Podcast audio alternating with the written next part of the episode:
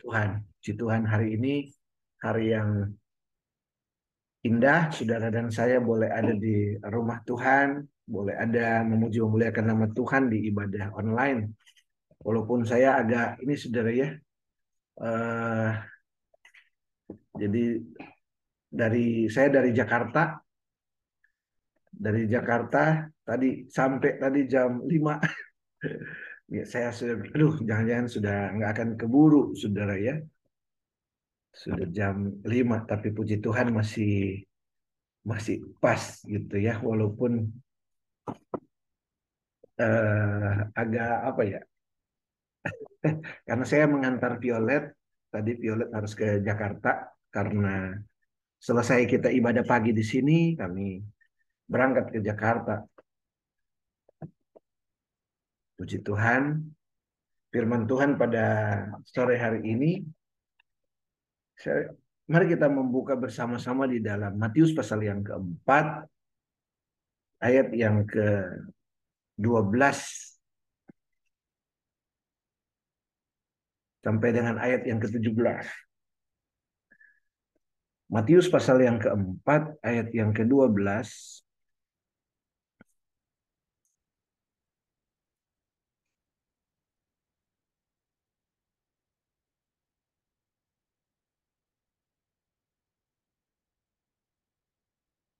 Demikian firman Tuhan.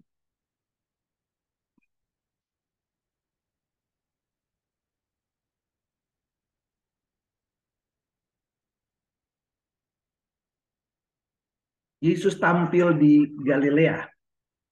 Tetapi waktu Yesus mendengar bahwa Yohanes telah ditangkap, menyingkirlah ia ke Galilea. Ia meninggalkan Nazaret dan diam di Kapernaum di tepi danau di daerah Sebulon dan Naftali. Supaya genaplah firman yang disampaikan oleh Nabi Yesaya. Tanah Sebulon dan tanah Naftali jalan ke laut daerah seberang sungai Yordan Galilea wilayah bangsa-bangsa lain bangsa yang diam dalam kegelapan telah melihat terang yang besar dan bagi mereka yang diam di negeri yang dinaungi maut telah terbit terang. Sejak waktu itulah Yesus memberitakan bertobatlah sebab kerajaan sorga sudah dekat.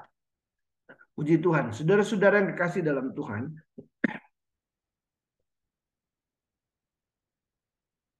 yang bisa saudara dan saya dari kebenaran firman Tuhan ini, firman Tuhan katakan di sini.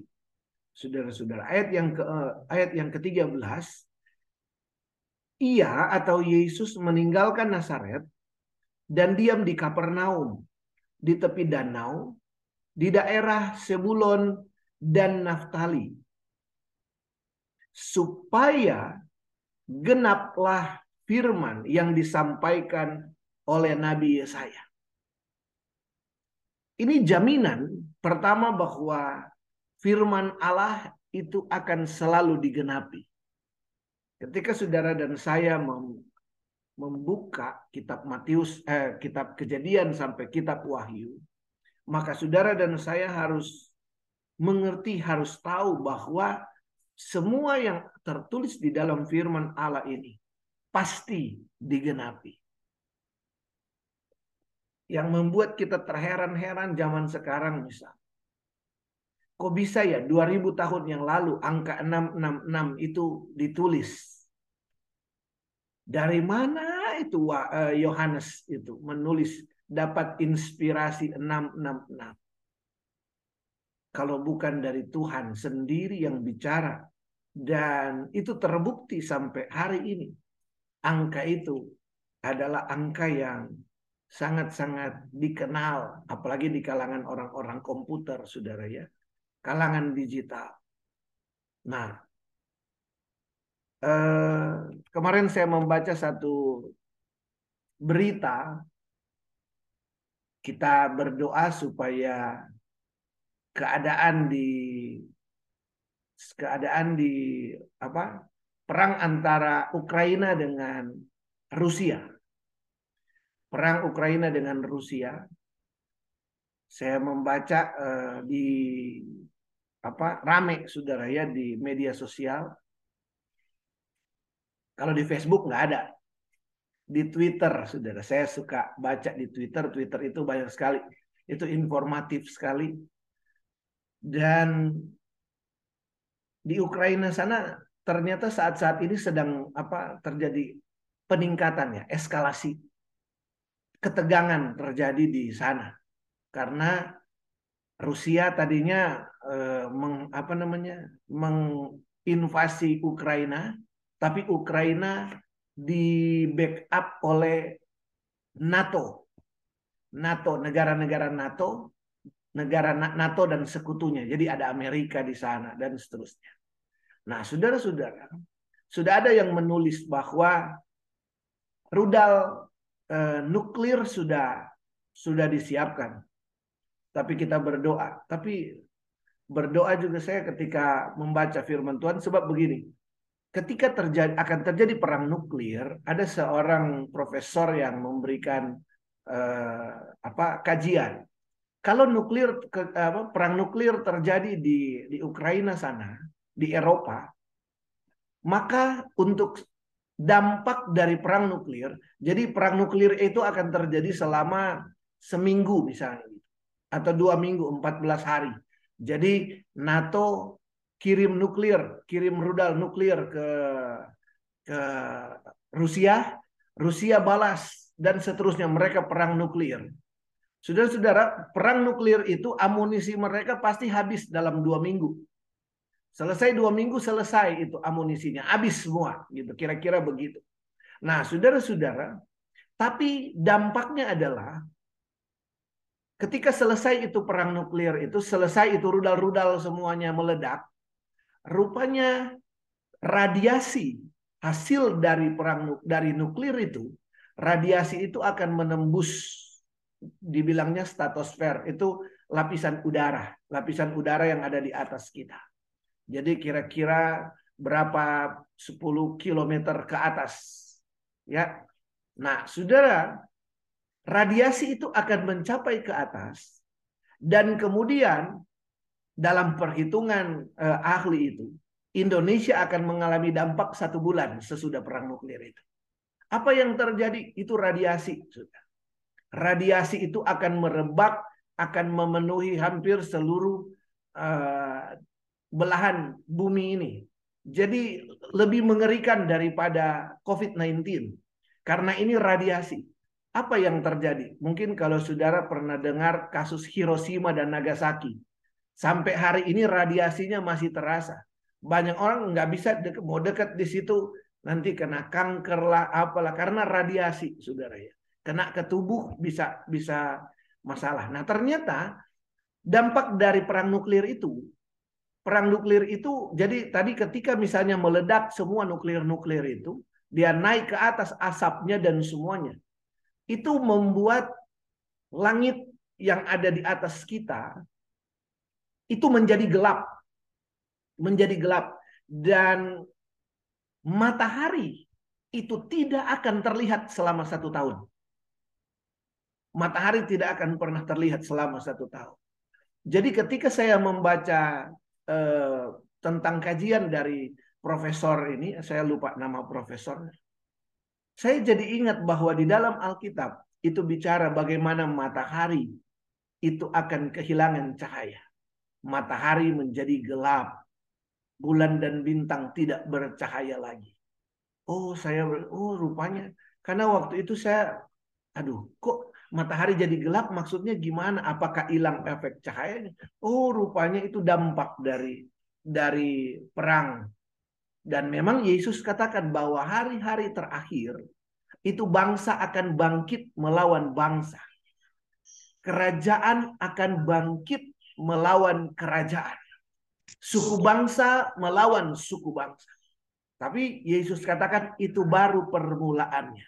Nah, saudara-saudara, sekarang dari sejak Yesus bicara, sejak nabi-nabi bicara, sejak Yohanes menulis kitab Wahyu, itu kira-kira 2000 tahun kemudian saudara dan saya ada kita ada di tahun 2023 dan itu terus digenapi. Jadi saudara-saudara dulu dulu kita saya pun dulu berpikir maksudnya gimana bulan darah? Maksudnya bagaimana itu matahari tidak ada eh, matahari kehilangan cahaya dan sebagainya rupanya itu uh, sedang digenapi saudaranya sedang digenapi jadi ketika mau berdoa tentang perang Ukraina itu saya wah memang mungkin Tuhan juga eh, sudah apa karena memang nubuatan firman Allah. Kenapa? Karena firman Tuhan katakan supaya genaplah firman yang disampaikan oleh Nabi Yesaya. Kalau firman sudah ditulis, kalau firman sudah diberitakan, maka itu pasti terjadi. Itu saudara. Ini yang pertama. Yesaya pasal yang ke-55 ayat yang ke-10. Di sana dikatakan. Yesaya pasal yang ke-55.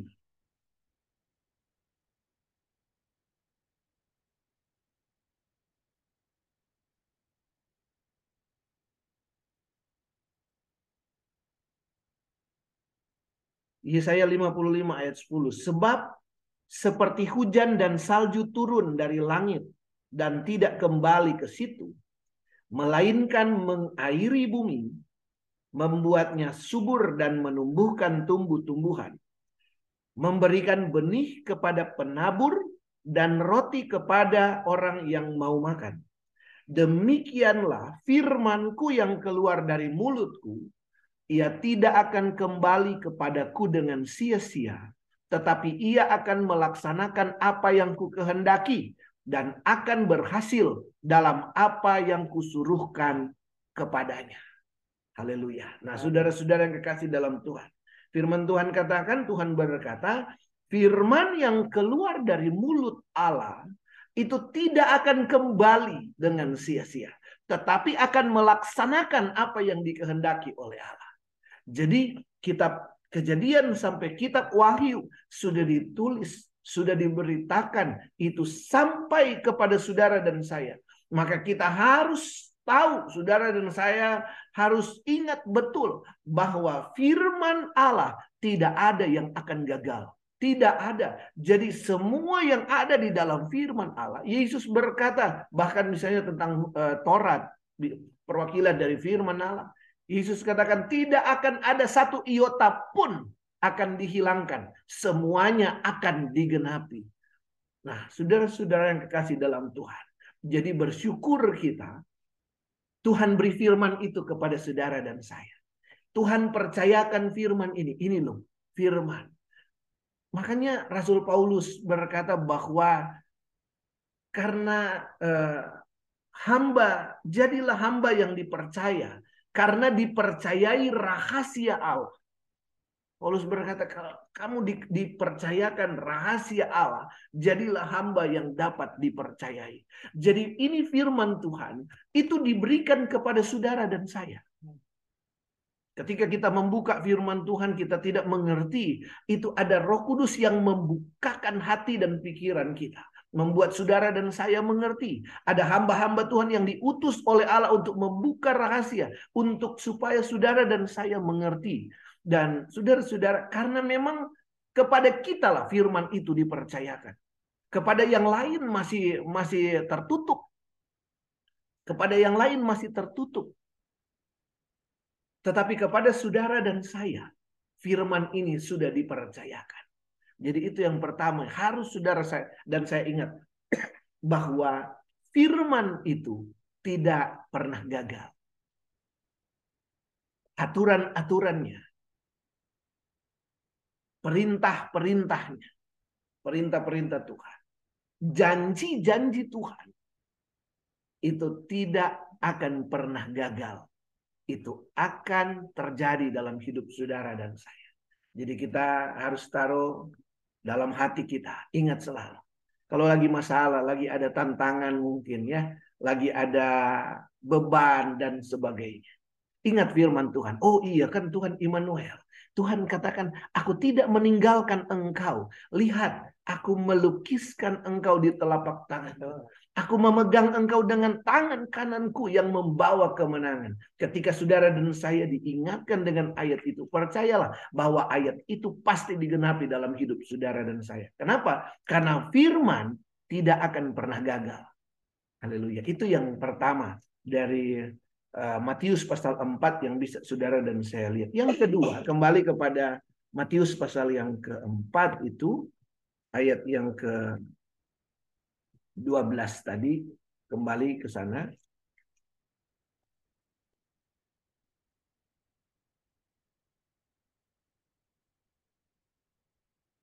Ayat yang ke-13 dikatakan ini.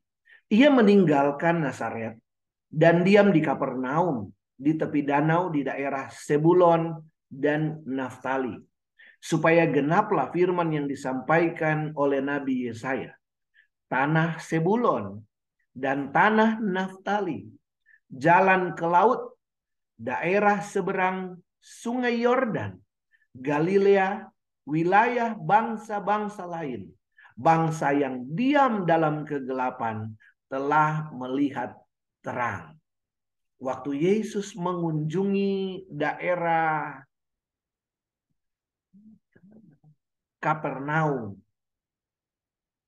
daerah Kapernaum. Dikatakan daerah itu adalah daerah seberang sungai Yordan.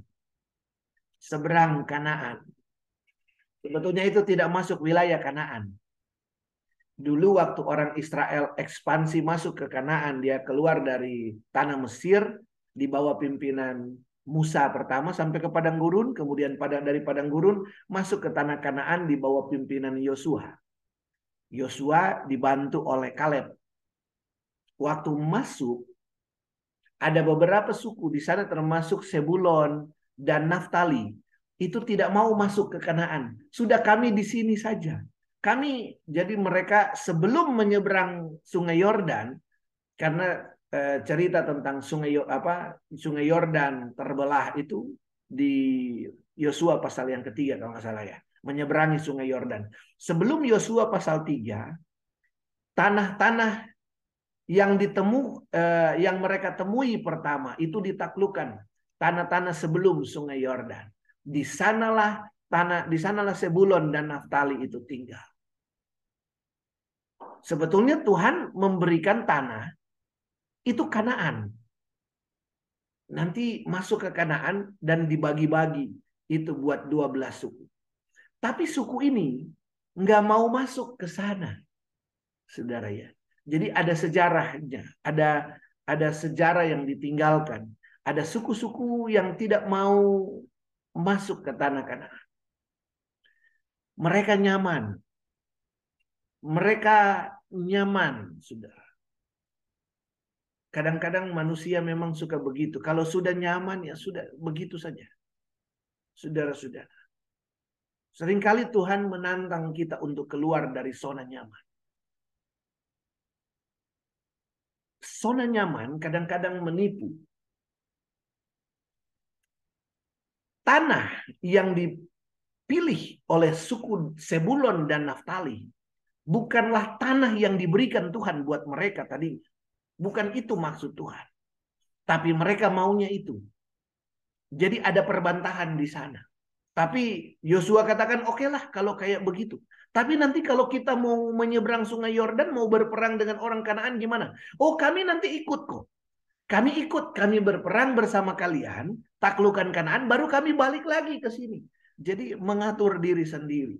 Saudara-saudara yang kasih dalam Tuhan dan kalau saudara nanti baca di kitab uh, kitab Yosua, kitab ya kitab Yosua dan hakim-hakim, ada beberapa kali konflik terjadi itu karena eh, konflik terjadi karena perbedaan daerah ini. Ya. Akhirnya karena daerah mereka tidak nyambung dipisahkan dengan eh, Sungai Yordan, membuat komunikasi menjadi kurang. Beda dengan kita sekarang, ada handphone, ada apa namanya? Ada internet. Jadi komunikasi apa pun kita bisa komunikasikan. Tapi zaman dulu enggak. Jadi hoax bisa jadi satu waktu Sebulon Naftali mereka bikin tugu. Karena apa? Orang-orang Sebulon Naftali bilang gini, aduh kami kalau mau pergi ke Kanaan, mau pergi ke suku-suku yang lain yang sudah masuk Kanaan, karena menyembahnya harus di sana. Karena tabut perjanjian kan ada di sana. Ada bersama-sama dengan suku yang menyeberang. Jauh kalau mau ke sana, nggak usahlah. Kita bikin tugu di sini. Jadi dibikinlah tugu mereka. Tugunya mirip dengan tugu yang ada yang didirikan di mesbah yang didirikan oleh suku-suku yang di tanah Kanaan.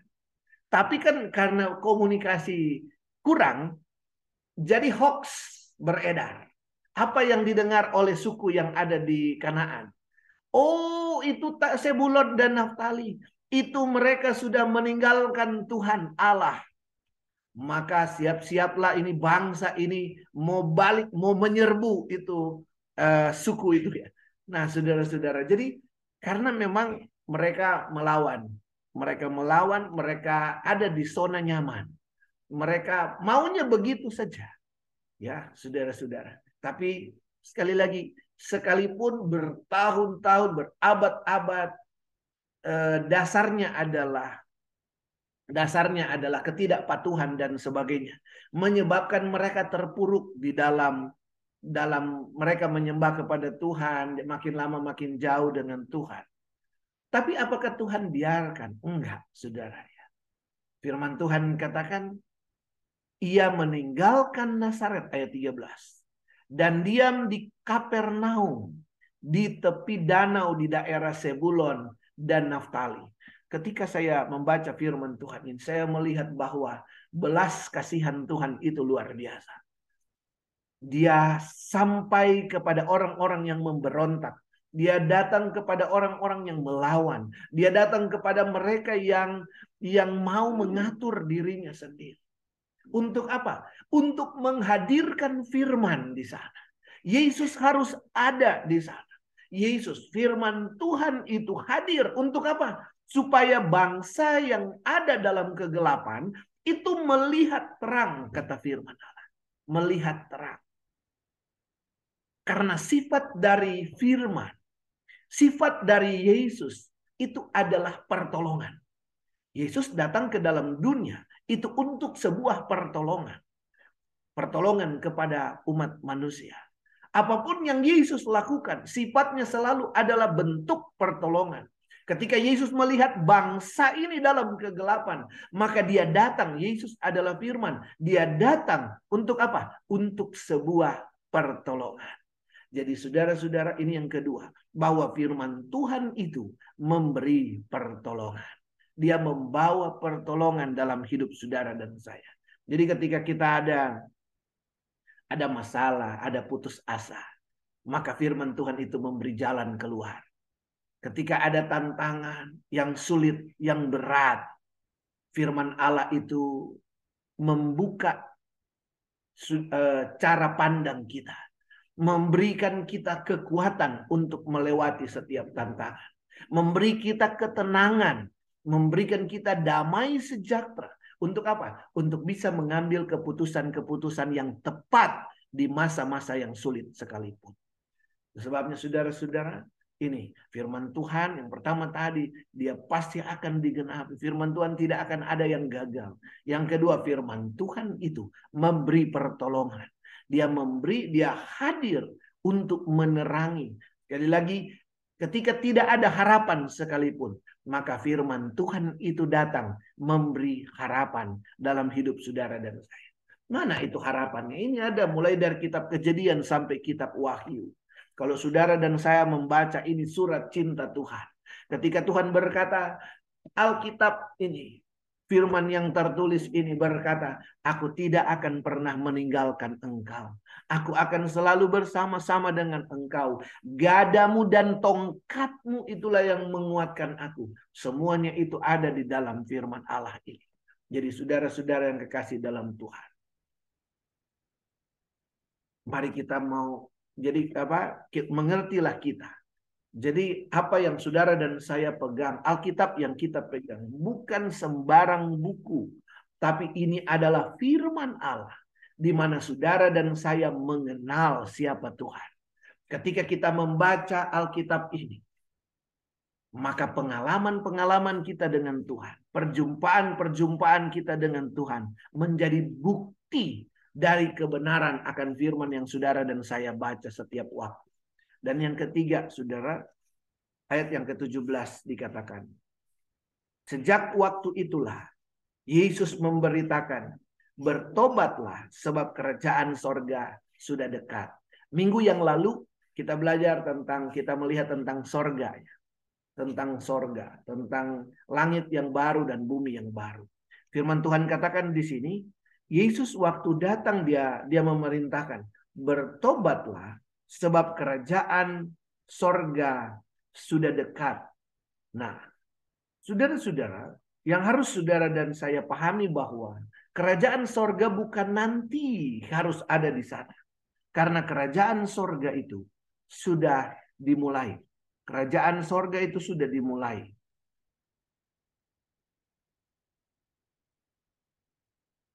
Matius pasal yang ke-13, ayat yang ke-31. Matius pasal 13 ayat yang ke-31. Yesus membentangkan suatu perumpamaan lain lagi kepada mereka katanya.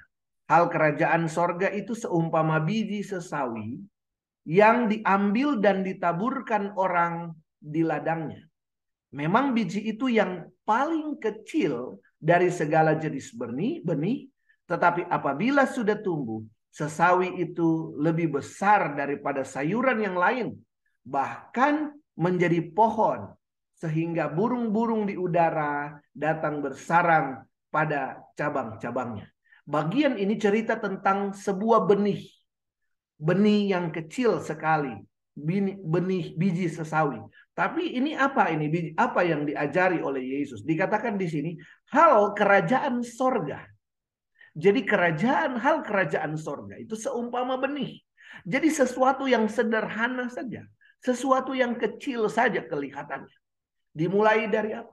Nah, saudara-saudara supaya kita mengerti tentang ini, apa sih yang dimaksud Matius pasal 12 ayat yang ke-28. Matius pasal 12 ayat 28. Kita lihat di sana. Bagaimana kerajaan Allah sebetulnya sudah hadir, Saudara ya. Matius 12 ayat 28 di sana dikatakan, "Tetapi jika aku mengusir setan dengan kuasa roh Allah, maka sesungguhnya kerajaan Allah sudah datang kepadamu." Haleluya. Ini Yesus yang bilang, ketika jika aku mengusir setan dengan kuasa roh Allah, maka sesungguhnya kerajaan Allah sudah datang kepadamu. Kerajaan Allah bukanlah bukanlah nanti di sana yang di yang di yang di apa namanya yang dipersiapkan Tuhan adalah langit yang baru dan bumi yang baru. Tapi bicara soal kerajaan, maka Yesus membangun kerajaannya mulai dari muka bumi ini. Kalau kita ingat doa Bapa kami, doa Bapa kami Yesus ber, Yesus mengajarkan doa Bapa kami gimana? Bapa kami yang di sorga, dikuduskanlah namamu. Datanglah kerajaanmu. Jadi saudara dan saya harus mengerti bahwa kerajaan sorga itu bukan bicara soal tempat saja. Ketika dikatakan datanglah kerajaanmu, maka itu bicara soal kehadiran, bicara soal keberadaan sebuah kerajaan. Berarti ada institusinya, ada ada lembaganya di sana. Jadi bukan bicara soal tempat, tapi bicara soal kelembagaan. Dimulai dari mana kerajaan Allah? Tadi Yesus ajarin dari biji sesawi. Berarti dari mana? Yesus katakan, ketika aku mengusir setan di tengah-tengah kamu, maka kerajaan Allah itu sudah ada padamu.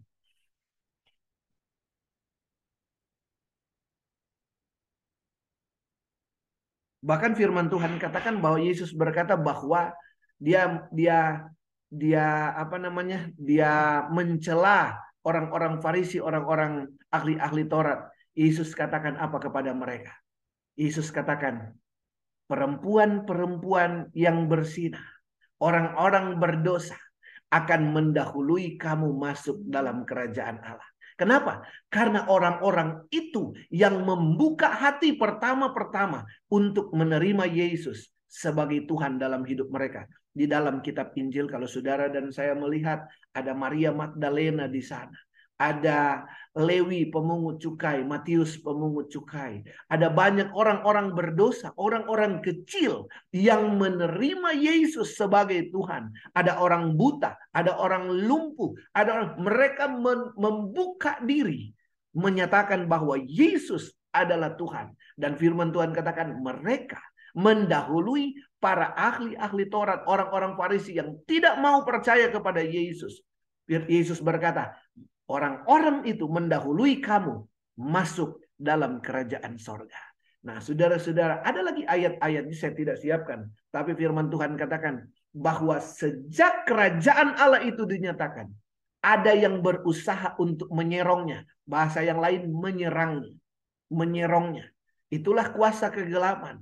Jadi jangan katakan bahwa kerajaan Allah belum ada kerajaan Allah sudah ada dan nanti akan mencapai pada kesempurnaannya pada saat Yesus datang kembali. Tapi dia sudah mulai, dia sudah mulai kerajaannya sudah dimulai dan dimulainya kapan? 2000 tahun yang lalu waktu Yesus mati di atas kayu salib. Yesus berkata Matius 16 ayat yang ke-18, "Di atas batu karang ini aku akan mendirikan jemaatku."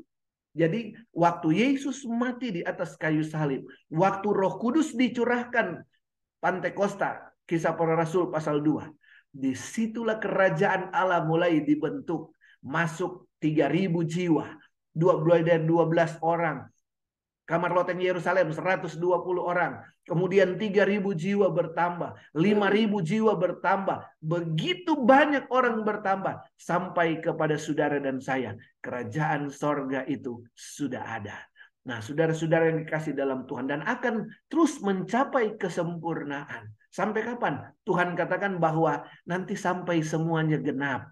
Sampai waktunya genap, sampai jumlahnya genap. Kitab Wahyu uh, menyinggung tentang jumlah orang-orang yang diselamatkan, jumlah orang-orang yang dimeteraikan sampai semuanya genap.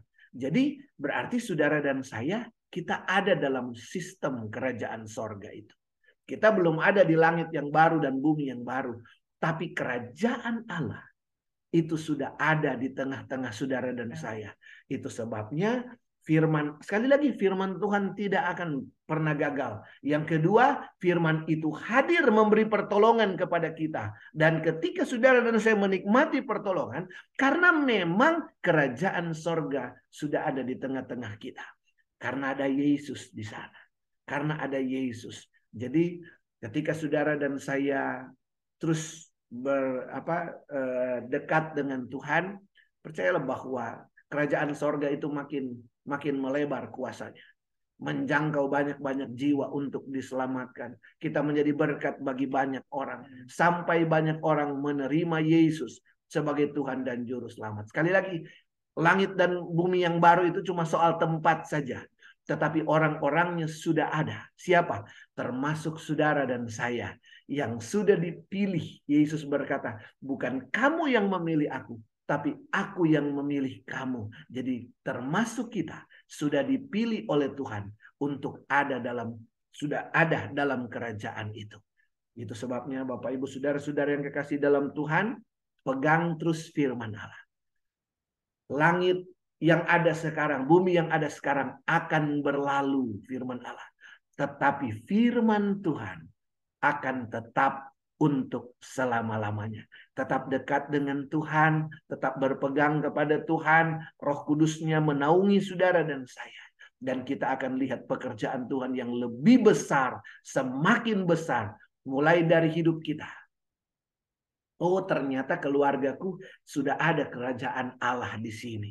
Ada Yesus, ada kerajaannya. Ada malaikat-malaikat yang siap sedia memberi pertolongan buat saudara dan saya. Pokoknya perhatian Tuhan ada bersama-sama dengan kita. Jadi tidak usah khawatir, tidak usah takut. Percaya sungguh kepada Tuhan. Lakukan terus kebenaran firman Allah. dan lihat bagaimana kerajaan Allah itu bekerja dengan kekuatan kuasa dahsyat luar biasa karena itu adalah pekerjaan Tuhan adalah Tuhan sendiri yang bekerja di tengah-tengah kita. Amen. Puji Tuhan, Tuhan Yesus memberkati kita semua dengan kebenaran firman Allah. Kita akan masuk di dalam perjamuan Tuhan.